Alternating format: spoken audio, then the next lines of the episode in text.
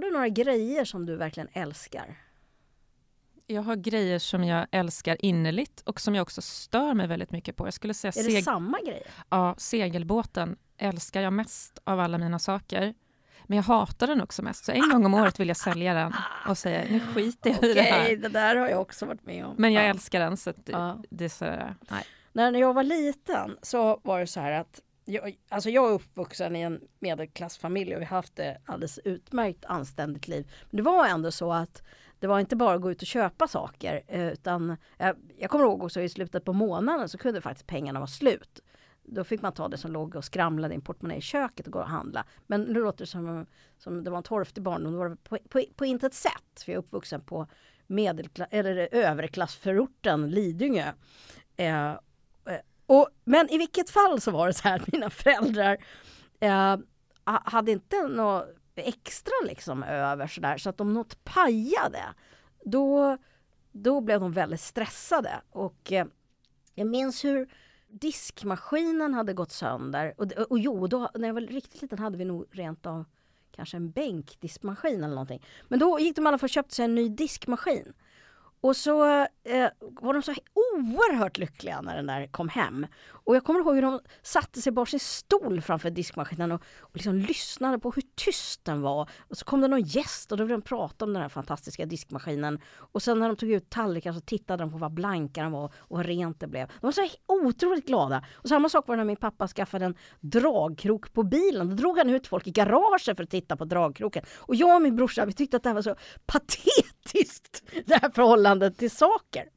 Men sen i vuxen ålder så har jag börjat tänka att, att, att vi kanske tycker för lite om våra saker eh, och börjar och tar dem för givet. Det är väl ofta så där att man blir som sina föräldrar. Jag, har- jag lät mura upp en kakelugn i min lägenhet där det en gång har stått en och sen när det var gjort då kom jag på mig själv att jag gick och smekte den. Alltså, så, så jag har också börjat bli bara oerhört förtjust i Kort saker. inflika. Ja, jag gick igång här. Nej men det där känner jag, jag brukar Ja. gå och smeka min båt. Ja. När den är, särskilt när den står på land. Ja, Då brukar liksom klappa den så på sidan som Ja. om det vore en häst ja. eller någonting. Det slog mig plötsligt att en gång var jag, eh, eh, jag var en gång på Skottland, på, i Skottland på ett sånt här, på ett ställe, rätt så mycket new age ställe. eh, Där det fanns massa kurser och utbildningar och så vidare. Och jag var lite förundrad över Hittar du dig själv? Nej, nej, jag var nog inte där av det skälet. Men i vilket fall så var det så här att en grej de gjorde där bar jag med mig, nämligen att de hade gett hushållsmaskinerna namn. Till exempel eh, dammsugaren som hette Hubert och så vidare. Och, och det var ju tramsigt på ett sätt, för, för det är klart att de inte trodde att det här var personer. Men det gjorde något med en när man använde den här prylen. Man slarvar inte med den, eh, tänker jag mig. Ja, och det är ju det, det är inte det vi ska prata om idag. Och vi ska Men inte prata om vi Hubert ska idag. prata om konsumtionskulturer.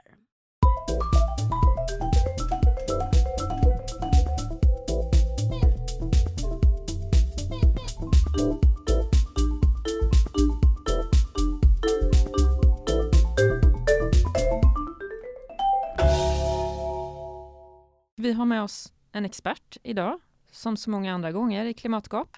Eh, hon är doktor i kulturantropologi och expert i konsumtionskultur och aktuell som programledare för Prylberget på SVT Play. Katarina Graffman, välkommen hit. Tack så jättemycket.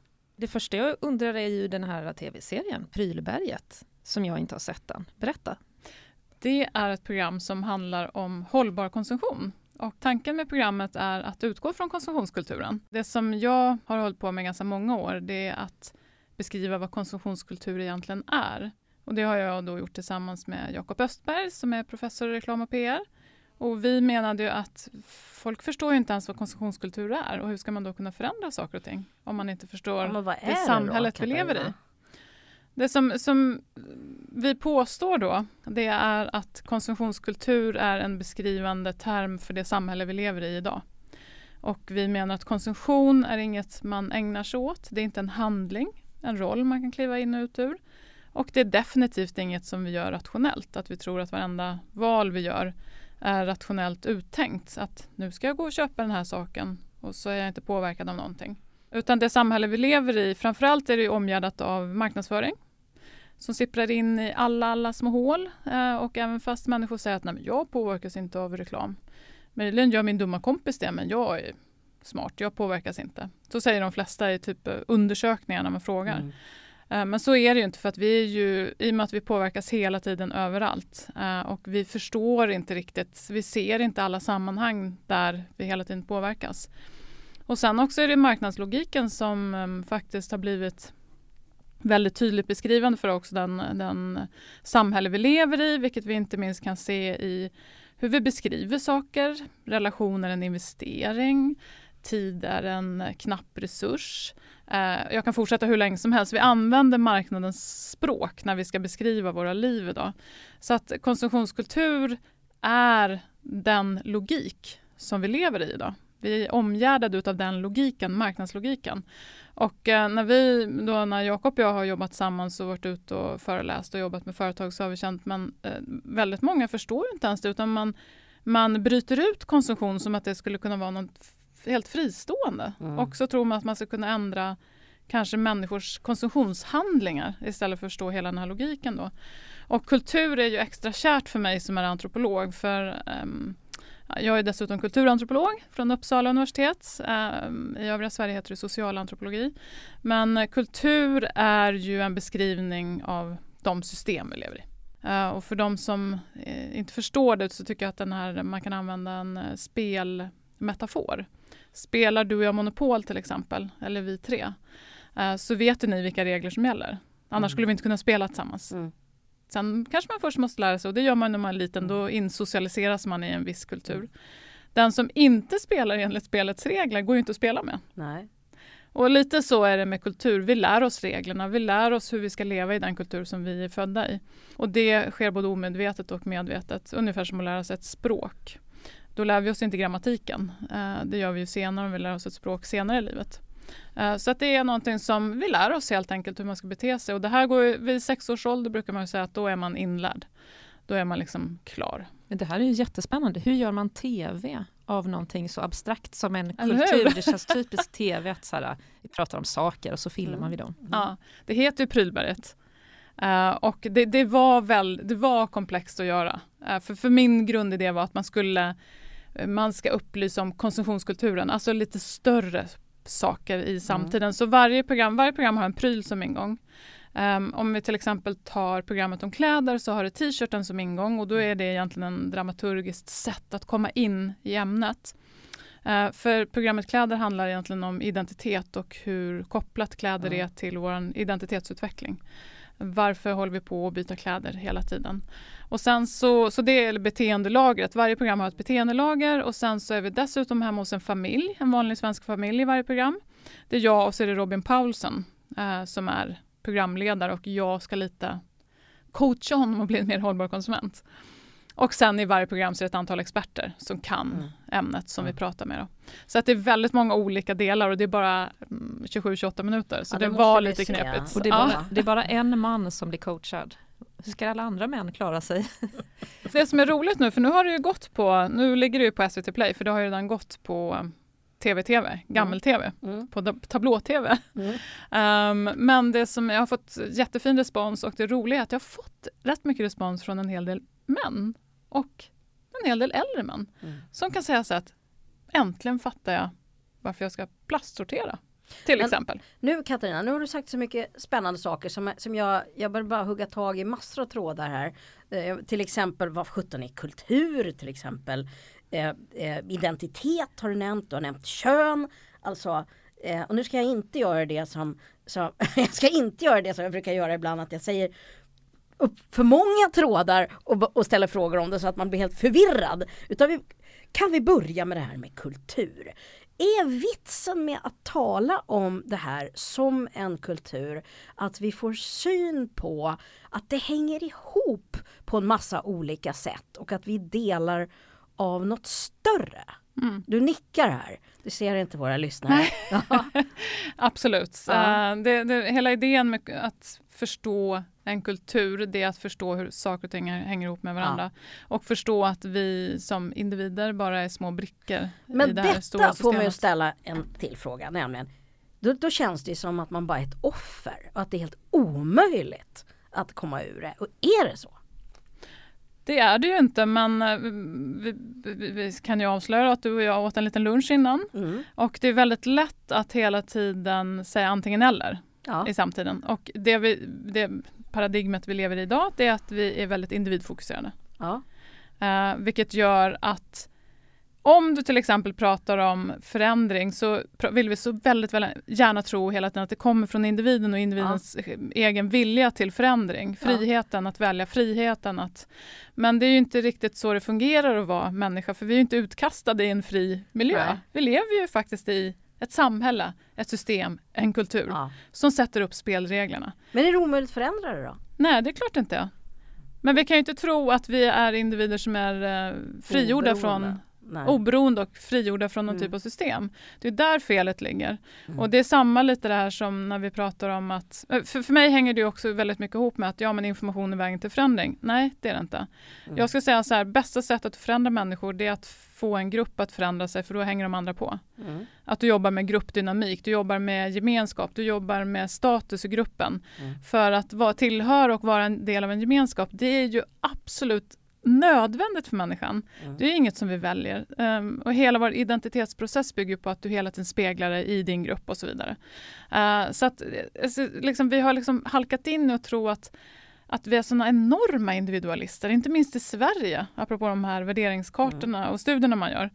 Och jag brukar säga när man tittar på människor i Sverige, att jag, jag har ju främst gjort mina antropologiska studier i Sverige, så skulle jag säga att de länder som är så extremt individualistiska, som ger uttryck för de här värderingarna, vi är extremt gruppberoende. Och det glömmer vi ofta bort, för om du liksom inte föds in i något sammanhang överhuvudtaget, som om man tittar på lite mer um, traditionella samhällen där du föds in kanske i en släktgrupp, du föds in i en yrkesroll, du föds in i en bygemenskap eller vad det är. Jag säger inte att det är bättre, men de har åtminstone någon, typ av sammanhang de föds in i. Och det har ju inte vi i vår del av världen. Vi har dessutom ett så egocentrerat släktskapssystem. Vilket betyder att varenda person har ett individualiserat släktskapssystem. Eh, det betyder att vi måste hitta andra grupper som ger oss den här gemenskapen och ger oss speglingen så att vi kan bli de vi vill vara. Men vänta, det du säger nu, är det att eftersom att vi bara skenbart är så, så mycket individualister på, på sätt och vis. Eh, och att det nästan kan, kan det vara så till och med att om man är i ett samhälle där, där man i alla fall inte tror så starkt på, på individen eller man är medveten om att, att man är en del av ett socialt sammanhang. Då glömmer man inte heller bort att det har påverkat en. Men vi kan glömma bort eller miss, inte ens se att vi är påverkade av andra. Är det det som är poängen? Ja, ja lite poängen och lite, alltså det finns så många nivåer i det här såklart. Men jag tänker också att vi pratade ju lite om marknadsföringen innan och marknadsföringen har varit så duktig att liksom trycka på den här individualiseringsmyten. Mm. Att du kan bli vem du vill bara du köper det här. Om jag ska förenkla lite. Mm. Men om man tittar um, längre tillbaks i tiden. Jag tycker det är väldigt roligt med vikingatid just nu. Och de har ju väldigt mycket coola prylar och de hittar man också för det är mm. så silver, guld, det är schyssta mm. broscher, smycken, eh, några bitar kläder och de var ju jätteprylfixerade. Mm. Alltså på 800-talet i Sverige har man hittat. De, de var jättestiliga mm. och tjusiga. Eh, samtidigt hade de, hade de ju inte det eh, systematiska samhället som vi har nu, utan där var det ju mindre grupper och mindre ytor som det gick ens att utöva makt på, för att man hade inte den här administrationen i Skandinavien mm. Eh, då. Så att, kan man, liksom, kan man så här, hitta roten till, till konsumtionssamhället i eh, ett prylintresse? Eller? Ja, men, eh, för där är en sån här um, sak som man ska skilja tydligt på och det är att människan har alltid varit materialistisk. Men vi har inte överkonsumerat som vi gör idag. Och det kommer någon gång efter andra världskriget skulle jag säga när masskonsumtionssamhället utvecklades och också reklamindustrin för att sälja alla dessa produkter. Men människan har alltid varit materialistisk. Tittar du tillbaks historiskt, tittar du på olika kulturer så har vi alltid använt prylar för att uttrycka status och tillhörighet. Um, och det är ingenting negativt i sig för konsumtion har ju blivit något moraliskt dåligt. Men konsumtion i en liten nivå eh, är ju inte dåligt. Det är ju den här masskonsumtionen. Att vi bara köper, köper, köper, köper, köper saker liksom som vi inte har. Det finns inga behov. Det är bara ja. begärstyrt. Men det här är jättespännande. Jag funderar, du nämner uh, efter andra världskriget liksom reklamens framväxt och sådär. Men jag, jag, undrar också om inte det har att göra med att vi uh, industrialiseringen och, och, tillgången på fossila bränslen. För den har ju ändå möjliggjort ett sorts förmerande av resurser, eller åtminstone skenbart förmerande av resurser som har frikopplat liksom tingen på något vis från eh, från arbetet. Absolut. Ja. Det började ju tidigare, det började industrialismen. Det började mm. ännu tidigare, det började när man började upptäcka mm, världen och började plocka med sig varor hem. Ja. Och då blev det också hierarkiskt vilka som kunde köpa. Jag menar blå färg kunde bara överklassen köpa mm. till exempel. Uh, så att det, det började mycket tidigare så att människan har ju ett sug efter saker. Och jag tänker på så. det där suget. Eh, man kan fråga sig liksom, vad är biologiskt i det här och vad är kultur? Eh, eh, är vi biologiskt destinerade till liksom att svulla? Min man Erik han brukar säga att han äter stenålderskost. Och då menar han inte att han äter att han knaprar på frön och nötter. Eh, utan att han goffar i sig när det serveras kalorier. Han, han hamstrar helt enkelt? Ja, han. För sämre tider? Ja, precis lite så. Och, eh, eh, och det kanske faktiskt var den riktiga stenålderskosten. Man visste inte om man skulle få mat igen och, därför så, och eftersom det var knappt så, så har vi den liksom biologiska eh, eh benägenheten att liksom goffa i oss. Men, men det blir ju jättekonstigt. Eh, det är en, man kan ändå bara äta en viss begränsad mängd eh, men man kan äga egentligen en obegränsad mängd. Eh, så det blir väldigt konstigt när... För, för, vi har ju konsumtion av mat, det är en sak. Men så har vi konsumtion, vi använder samma ord. Konsumera, alltså mm. för, i överförd bemärkelse på en mm. massa andra saker. Ja, precis. Som och, kläder. Ja, mm. precis. Eller bilar. Ja. Eller Men resor. den här frågan som du hade där Maria är ju väldigt intressant. Alltså finns det någon slags förprogrammering? Sen, mm. sen tycker jag själv då att det är väldigt roligt med stenåldern eftersom att det ganska ofta är en tanke man har kring hur människan är biologisk. Ja. Som om de inte hade en kultur. Ja, det är också intressant. Vilket de ju såklart hade. Ja. Men liksom, finns det någonting ursprungligt behov kan man väl ändå säga. Mm. Biologiskt eller kulturellt som gör att människor, för det här som du pratade om att man vill passa in, att man vill ha en gemenskap. Mm. Det mm. köper jag. Så här, mm. mm. Människan är ett flockdjur, punkt. Mm. Men det här med att man ska ständigt äta, äta, äta, köpa, köpa, köpa, ha mer, få mer. Mm. Alltså, jag tänker det med maten är ju en sak, för det, mm. det är klart att det finns någonstans kvar i oss. Uh, vi har ju vi är fortfarande samma kropp kanske som mm. vi var där i, grottan, fast vi har utvecklats ganska mycket. Men någonstans där finns det ju det här um, rädslan för att bli utan. Mm. Även fast vi kanske, din man vet att det kommer inte hända. Mm. Liksom så. Mm. så någonstans finns det nog det, men det är ju annorlunda för det är ju ett, mat är ju ändå något du behöver för att överleva. Prylar är någonting annat. Mm. Alltså konsumtionsprylar är mm. någonting annat. Men uh, jag, jag, jag, är helt övertygad om att det är starkt kulturellt. Um, och jag tror just det som jag pratade om det här med, med, att människan som materiell varelse. Där har det ju framförallt handlat om att positionera sig i gruppen. Mm. Där har man använt. Mm. Så jag tror man måste skilja lite på den typen av konsumtion och den överkonsumtion mm. som är idag på något ja. sätt. Hur kan man Så, skilja på det då? Ja, men jag tänker väldigt mycket som vi köper idag handlar ju inte... Väldigt många handlar till exempel om de mår psykiskt dåligt, springer de ut för det blir en kick. Det blir någon liksom, mm. tillfällig kort liksom, glädjerus som snabbt går över. Mm. Som kanske inte alls är knutet till någon typ av um, status i en grupp och så vidare. Så det är så svårt, jag skulle säga att det är svårt att generalisera kring konsumtion på det sättet. Jag tror man får titta på respektive grupp och respektive konsumtionskategori. Liksom. Men även man om man konsumerar. har det här mera hetsiga sättet att konsumera, eh, finns det liksom ingen eh, all struktur i det? Alltså jag kan ju känna igen mig att man kan känna sig glad och så här, nu, nu har jag grejer på gång, nu går det bra, då köper man lite grejer. Mm. Och så, men, det, men det finns ju som att Alltså alla mina kläder kommer i princip från en och samma butik. Mm. Alltså det finns ju ändå ett mönster i det.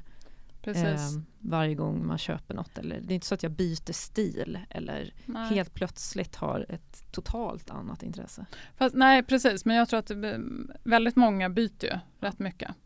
Och många unga byter ju, eh, det går ju snabbare idag att byta mellan olika subkulturer än vad det kanske gjorde när jag växte upp. Mm. Eh, Då var man liksom längre period i en viss typ.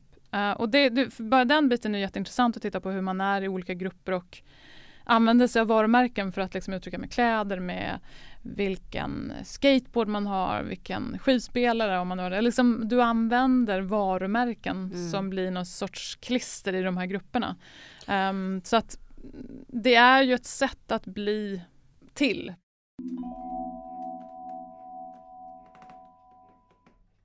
Men jag tycker när du beskriver det här så tycker jag att det låter som om det egentligen alltid är så att vi lever i en konsumtionskultur fast den ser olika ut. Då, då. Men att det är någonting som har hänt som handlar om att det har eskalerat eller accelererat eh, på något vis. Och då har det frikopplats från de mer grundläggande behoven. Eh, jag menar, för man kan ju tänka sig en sorts grundläggande behovstillfredsställelse. Man vill inte frysa, man vill ha en viss trygghet eh, och man vill vara mätt. Eh, men eh, här, nu har vi liksom, det kanske är Maslows behovstrappa, nej men att vi har, Vi ska Eh. inte prata om det är den värsta modell jag vet. ja, det är bra. Om man ska Be- göra berätta. dig förbannad Ja, så säger man Maslows Ja. behovstrappa. Maslow säger man då. Ja, Eh, nej men det är typ Mm. en sån här modell som Mm. den funkar ju inte, den stämmer nej, ju inte. Nej, Men det är en sån här, jag vet, vi har skrivit om den faktiskt i den här trevliga boken Vi är vad vi köper. Då tar Ja. vi faktiskt upp den och pressar ner den i jorden igen. ja, För att eh, Jakob till exempel som undervisar inom ekonomi och marknadsföring på Ja. eh, Stockholms universitet, han säger att är det någonting mina studenter kommer ihåg så är det Maslows behovspyramid. Och så drar de upp den och så är liksom, Men det här vänta. är vad jag kommer ihåg. vad är felet? Får jag gissa innan du svarar? Mm. Eh, jag tror att det är att det inte ja, det är en sak att vi naturligtvis inte, inte vill svälta ihjäl. Men eh, jag tror att de här behoven är mycket mer parallella än, än seriella skulle jag gissa är ett problem. Så är det. Och du kan, Mm. du, idag kan du i olika kulturer kan du se att Mm. eh, det är viktigare att ha ett visst antal skor för att du har tak över huvudet. Ja, Alltså så att exakt det är det. ja. Att du kan inte se på det så. Att Men det du- skulle vara någon utvecklingsfas. liksom. Men då måste jag ändå fråga, för man tänker så här, trygg, grundläggande trygghet är skulle ju i så fall vara ett väldigt basalt behov. Med, Medan däremot så här att eh, swisha med sina grejer eller vifta med sina grejer kanske jag ska säga. Alltså, eh, eh, och, och visa upp alla sina skor som mer handlar om identitet, ett mindre basalt behov. Men just nu håller jag på att fundera på om jag ska flytta. Eh, det, för att jag har en alldeles för stor och lyxig lägenhet som, som är helt orimligt kan jag Fast tycka. du har ju en kaklugn som du... Ja, och just det, det är, det är ett av problemen faktiskt. För, för jag fattar att det här är ett lyxproblem. Men det är ändå smärtsamt. Mm. Och vet du att det känns som en, det är min trygghet som, som, fast jag vet att jag har allt jag behöver, så är det ändå den känslan av trygghet som, det finns andra dimensioner, men känslan av trygghet är det svåraste i det här. Och det är konstigt hur, jag har bekanta som är utomordentligt välbeställda. Eh, men som har en enorm oro för sin ekonomi. Eh, och är rädda att de ska bli utblottade. Medan människor som precis lever ur hand i mun som jag känner är jättetrygga och, och vet att det kommer. På ett sätt, ja, vi pratade med KG Hammar i tidigare eh, avsnitt och konstaterade att eh, det kanske är så att om man vet att man klarar sig med lite så kan man vara mer trygg än om man har mycket. Men fast vi ofta gör tvärtom, vi försöker samla på oss för att bli trygga. Vad tänker du kring det? Jag tänker att det nog stämmer väldigt bra. För ju mer du har desto mer är du rädd för att förlora. Mm. egentligen. Och också det som ni inledde lite grann med, med saker man älskar. Det är också tydligt att ju mer hus och båtar och bilar som människor har, Mm. desto mer olyckliga är de. För att det liksom handlar om, åh jag måste ta är hand om det, nu måste jag åka och klippa gräset Ja. på landet, åh nu måste jag fixa det, och så är man orolig, vad händer nu, nu kan jag inte liksom åka och kolla. Så att, Det är då Det- man tänker, ja jag säljer båten. Exakt. Men jag tänker, och det är just det där Ja. när man tittar, jag är liksom skeptisk till all så här lyckoforskning. Mm. Jag tycker det är lite patetiskt. För vad är Mm. lycka egentligen? Mm. Eh, ja men vad är det? det? För mig är det också så dumt Vilka ord. håller på med lyckoforskning? Vilken disciplin? Inte ni eh, kulturantropologer från Uppsala universitet Nej. förstås. Ja, men att fundera över vad nöjdhet är väl inte Jag tycker att man kan man, nej men jag tycker inte man kan inte prata om lycka, man ska prata om tillfredsställelse, Ja, meningsfullhet. Mm. Eh, för att lycka, vill, när känner vi lycka? Det kan vara några få korta sekunder. Alltså det är så, det är ointressant tycker jag att studera huruvida Mm. människor är lyckliga eller inte. Det är mycket bättre att liksom, ta reda på, upplever du att du lever ett meningsfullt tillfredsställande just liv? Mening tror jag är egentligen mycket viktigare för människor än Verkligen. lycka. verkligen. Och då ser man ju de då som ägnar sig åt den där typen av forskning som tittar till exempel på inkomst. Mm. Kanske ni har pratat om att det går ju bara upp till en viss nivå. Mm. Efter den nivån så och det handlar väldigt mycket om att man ska ha mat, man ska ha ett Mm. boende, man ska liksom kunna köpa kläder och man ska eventuellt kunna göra någon resa, göra någonting Mm. roligt med familjen. That's it. Mm. Har du liksom utöver det så ser du inte att människor, då kommer den här oron snarare Ja, in. Så, att, så det är ju så att ju mer du har, desto mer är du liksom bekymrad över det du har. Men hur, hur kan man bryta det här då? Den här kulturella utvecklingen som accelererar på något sätt och som ju är helt ohållbar. Ja. Alltså, Alltså jag tror, Som individ och som kollektiv tänker jag. ja, jag, men du, du pratade lite om eh, tidigare varför är det så här och jag tänker att samhällsutvecklingen som den ser ut den eh, liksom eh, gagnar ju inte en minskad konsumtion skulle Mm. jag säga. Vi lever i en tid, speciellt i vår del av världen, där vi inte har något att tro på. Vi har inga gemensamma kollektiva värderingar. Allting handlar om den här individuella friheten eh, som då egentligen är en frihet på marknaden. Mm. Vad är det för frihet egentligen vi har? Eh, så att jag tror, du, du ser ju också hela den här rörelsen med new age och folk som Mm. liksom söker nå- någonting att hålla fast i och tro på. Vi har ju ingenting som ger oss den tryggheten, den känslan av gemenskap och så Mm. vidare. Ehm, om man pratar ur ett generellt perspektiv. Ja, men Mm. vad söker vi då? Då söker vi någonting uh, ytligt, något att hålla fast vid. Och det är Mm. ju ofta prylar. Men vad är din lösning? Du nämnde intervjun med KG Hammar för ett par avsnitt sedan. Då var hans liksom ledord var ju relationer. Så, Mm. Att det kan vara meningen med livet. Vad skulle du säga? Finns det något man kan ersätta eh, köpsuget med?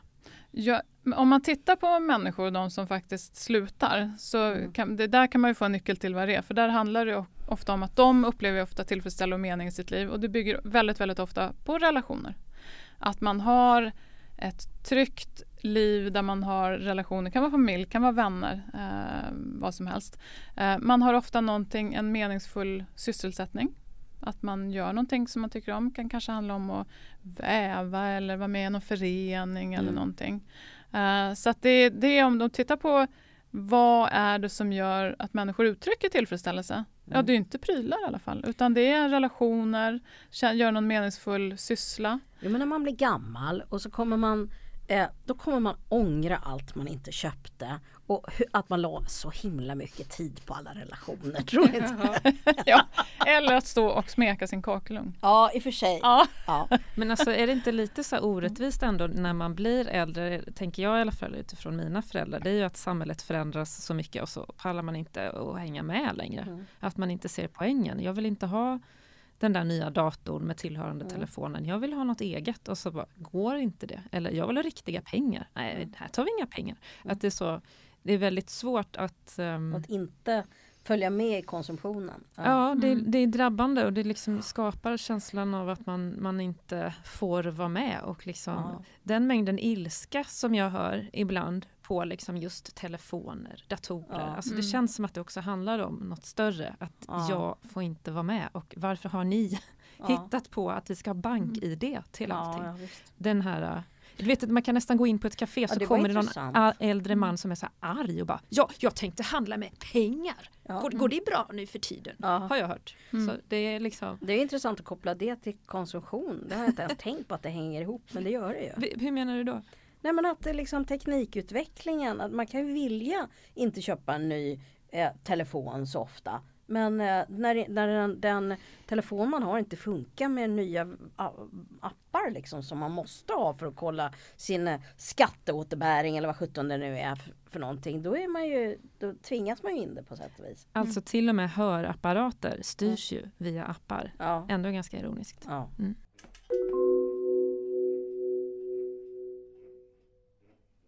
Men jag måste gå tillbaks till det här som du sa Katarina, med de här människorna som faktiskt ändå, vad ska man säga, downsizar sin konsumtion. Och vad som eh, möjliggör det. Vad är hönan och vad är ägget? Är det så att man har de här relationerna och den här meningen med livet först och då kan man konsumera mindre? Eller är det så att man börjar konsumera mindre och då får man de här relationerna?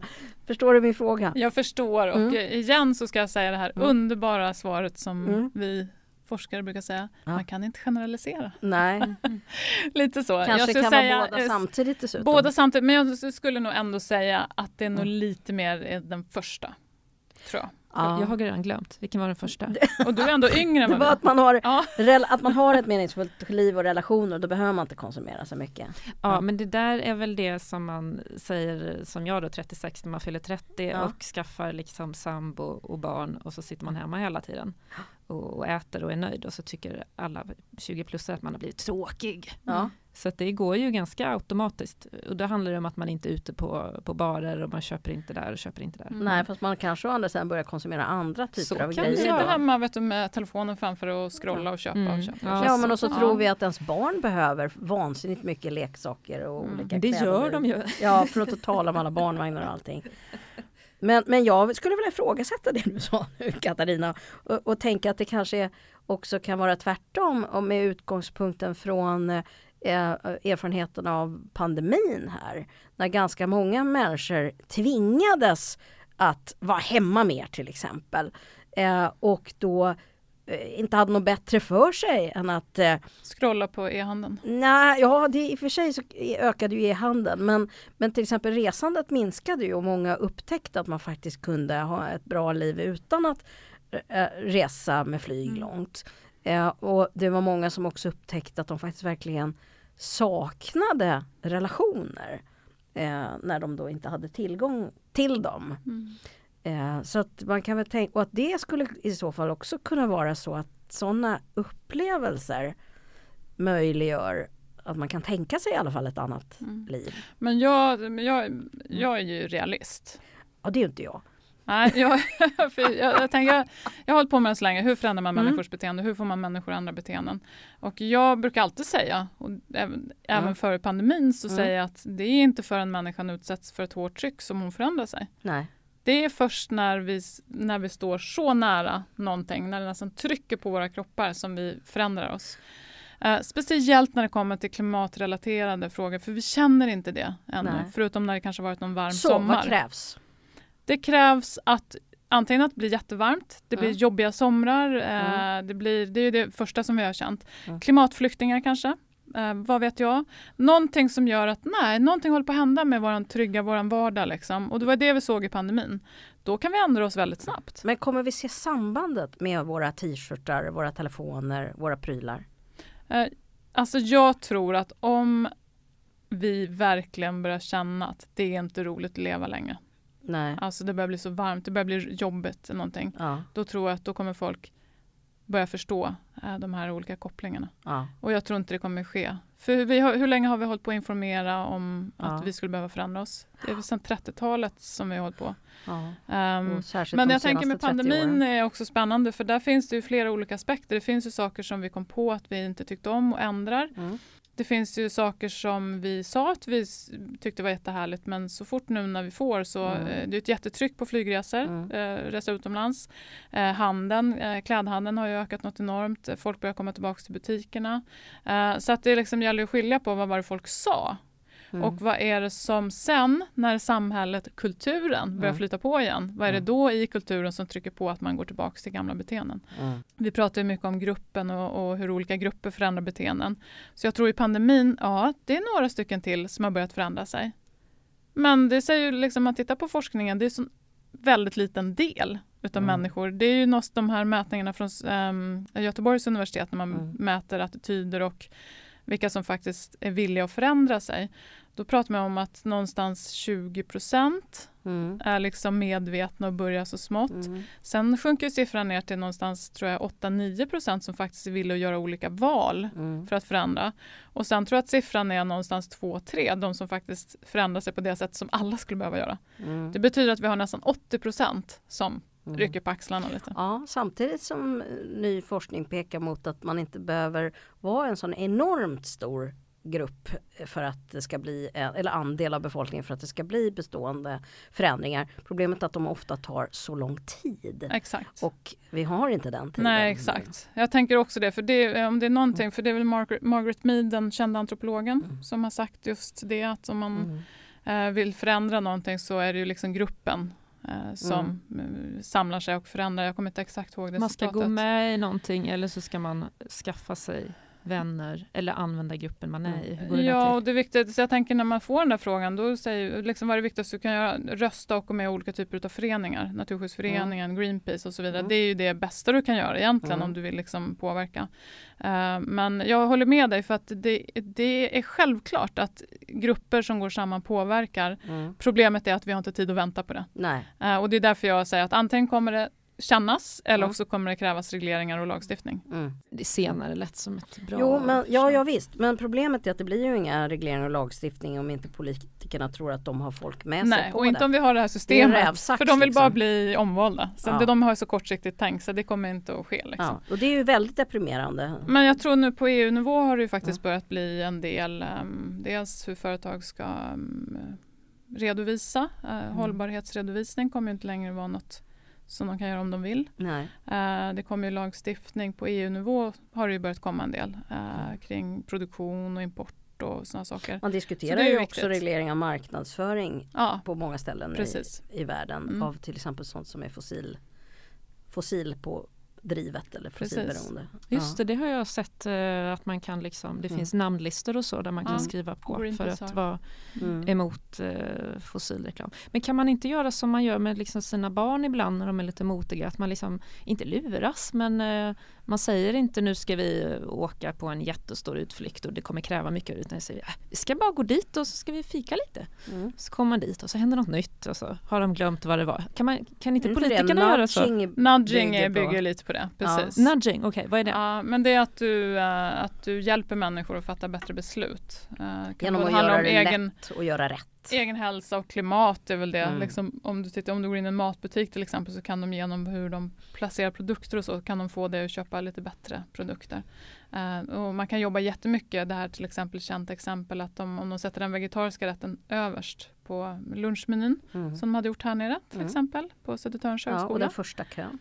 Eh, exakt. Eh, förut har den vegetariska rätten alltid stått längst ner. Mm. Såna, det är nudging. För då, det är liksom lätta sätt för människor att välja rätt utan att du hela tiden ska behöva tänka efter och fatta ett beslut. Mm. Att du ska ta in information och så ska du liksom fatta beslut. Eller att tågbokningssystem eller att resebokningssystemet som företaget anlitar eh, har en default att det kommer upp en eh, tågresa och inte en flygresa. Exakt, Såna precis. Saker. Just det, jag såg att mm. det kommer, kommer nya appar också för om man vill boka tågresor i Europa. För mm. det tycker jag verkar svårt. Ja, och där har du ju roligt ett, om det bara ett går stort problem när det gäller ja. konsumtionen. Det är ju att, att det är inte bara eh, kulturens som ett system som hindrar oss från att leva hållbart utan också att det har institutionaliserats eller, eller snarare blivit eh, det har blivit till sten eller metall eller teknik. Alltså att det är så jäkla jobbigt och svårt på många sätt att leva hållbart. Mm. Mm. Mm. Och det motverkar ju också såklart en, en mer ja. hållbar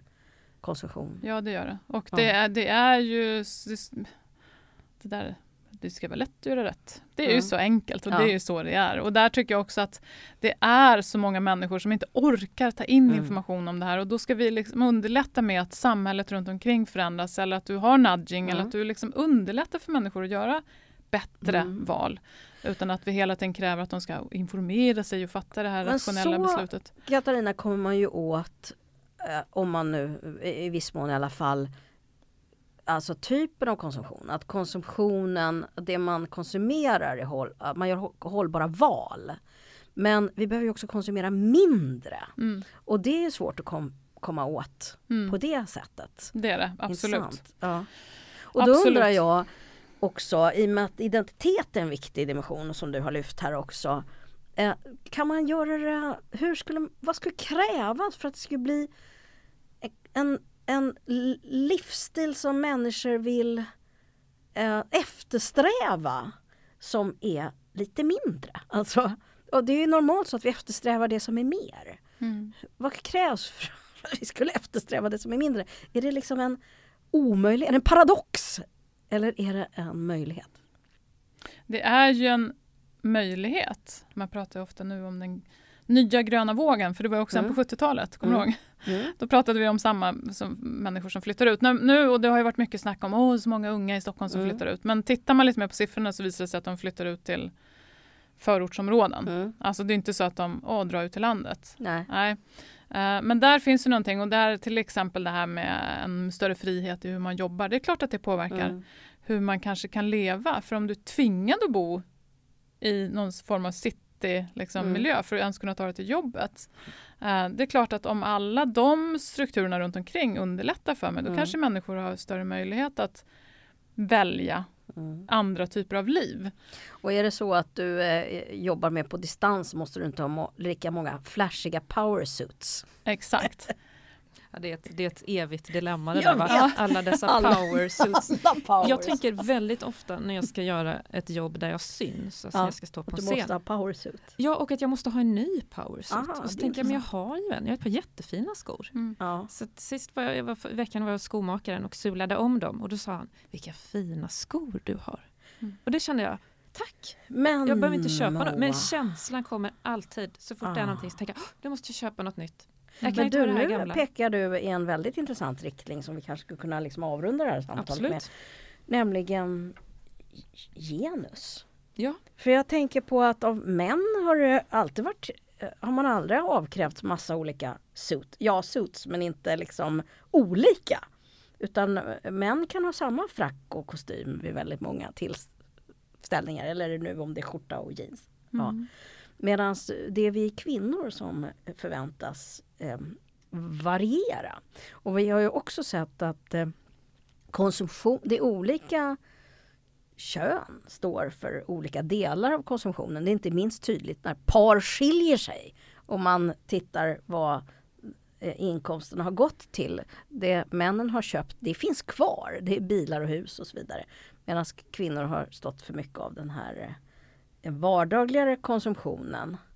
Och det är också ofta kvinnor faktiskt, här har jag inte på fötterna vetenskapligt, men jag har en känsla, Kvinnor det är vet nog bäst. du. Var det du skulle Va? säga? Kvinnor är bäst. Ja, det var faktiskt inte det jag tänkte säga. Utan att eh, det är väl ofta kvinnor som också har hånats för sin konsumtion. Mhm. Eh, ja, Mm. eller? Jag kan eh, berätta då Mm. om tv-programmet Prylberget. Mm. Att den enda kritik som har riktats mot programmet och Mm.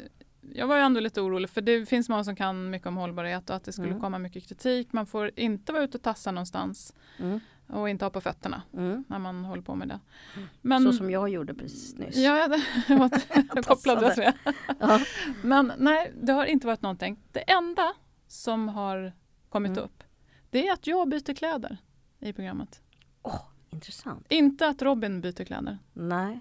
För att vi har ju, det här är jättespännande tycker jag, för att ja, jag byter kläder såklart, för vi har ju inte spelat in allt i en studio på en och samma dag. Nej. Så det är klart att jag byter kläder. Vi har spelat in ett avsnitt, eller en, en liksom snutt i varje program Ja. olika dagar. Ja. Och då har jag fått kritik för att jag byter kläder hela tiden, att jag borde föregå med gott exempel och ha på mig. Och det har kommit från både män Ja. och kvinnor som tittar på mina kläder. Ingenting om Robins. Och Robin byter, men han har lite mer oversized shirts i Mm. lite samma färger. Du märker det inte lika väl. Nej. Och då har jag faktiskt fått eh, Utbildningsradion då, som har producerat det här programmet bad mig att skriva något svar till alla Mm. de här som har skrivit till kundtjänst Mm. och beklagat sig. Mm.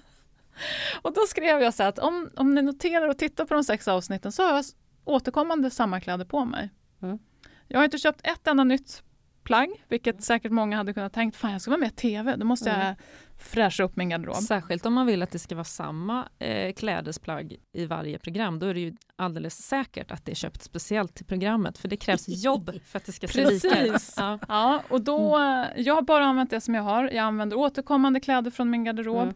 och jag har svarat, för i det här programmet om kläder som jag nämnde, där får Mm. den här fam- alla familjer får ju ett uppdrag också och i den Mm. familjen så har de fått uppdraget att under en veckas tid ha på sig samma kläder. Mm. Vilket är en jätteintressant övning det här att känna hur det är att gå till sitt jobb eller gå till skolan för en tonårstjej med den familjen att ha på sig samma kläder. Mm.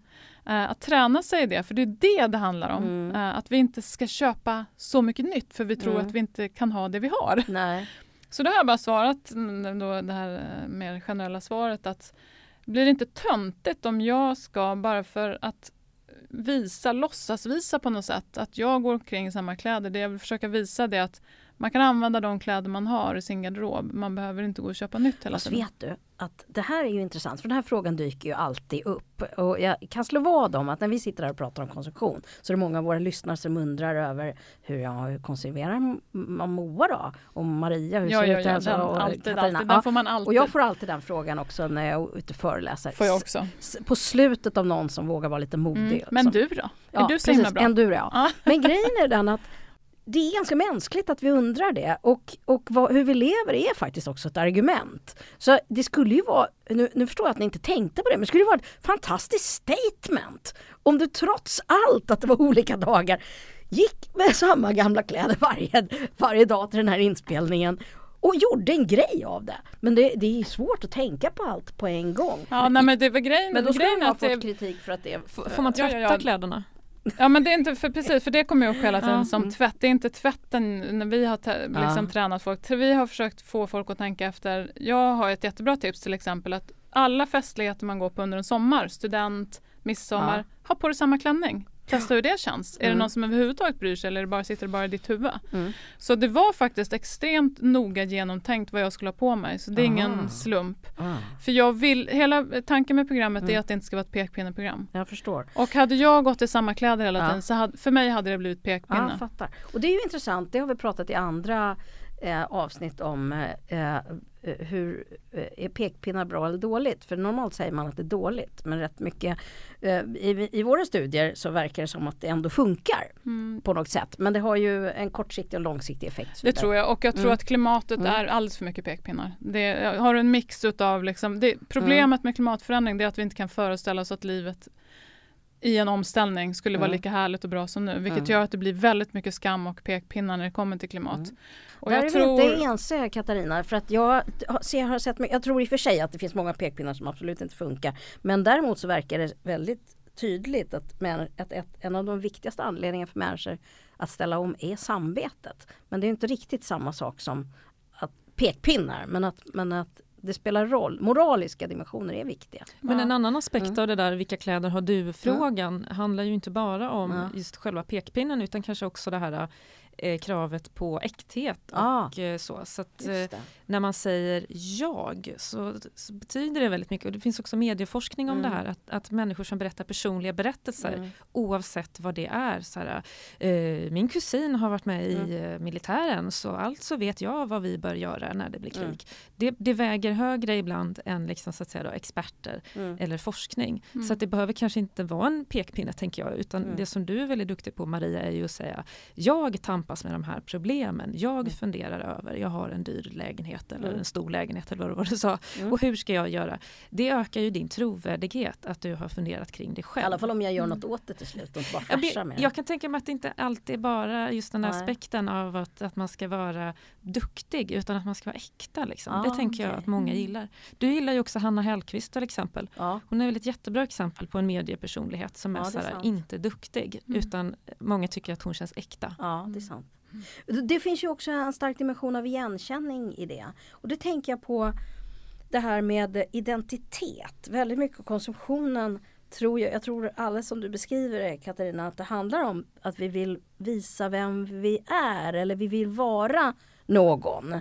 Och, och, det, och vi är hur vi ser ut eller vad vi har för saker.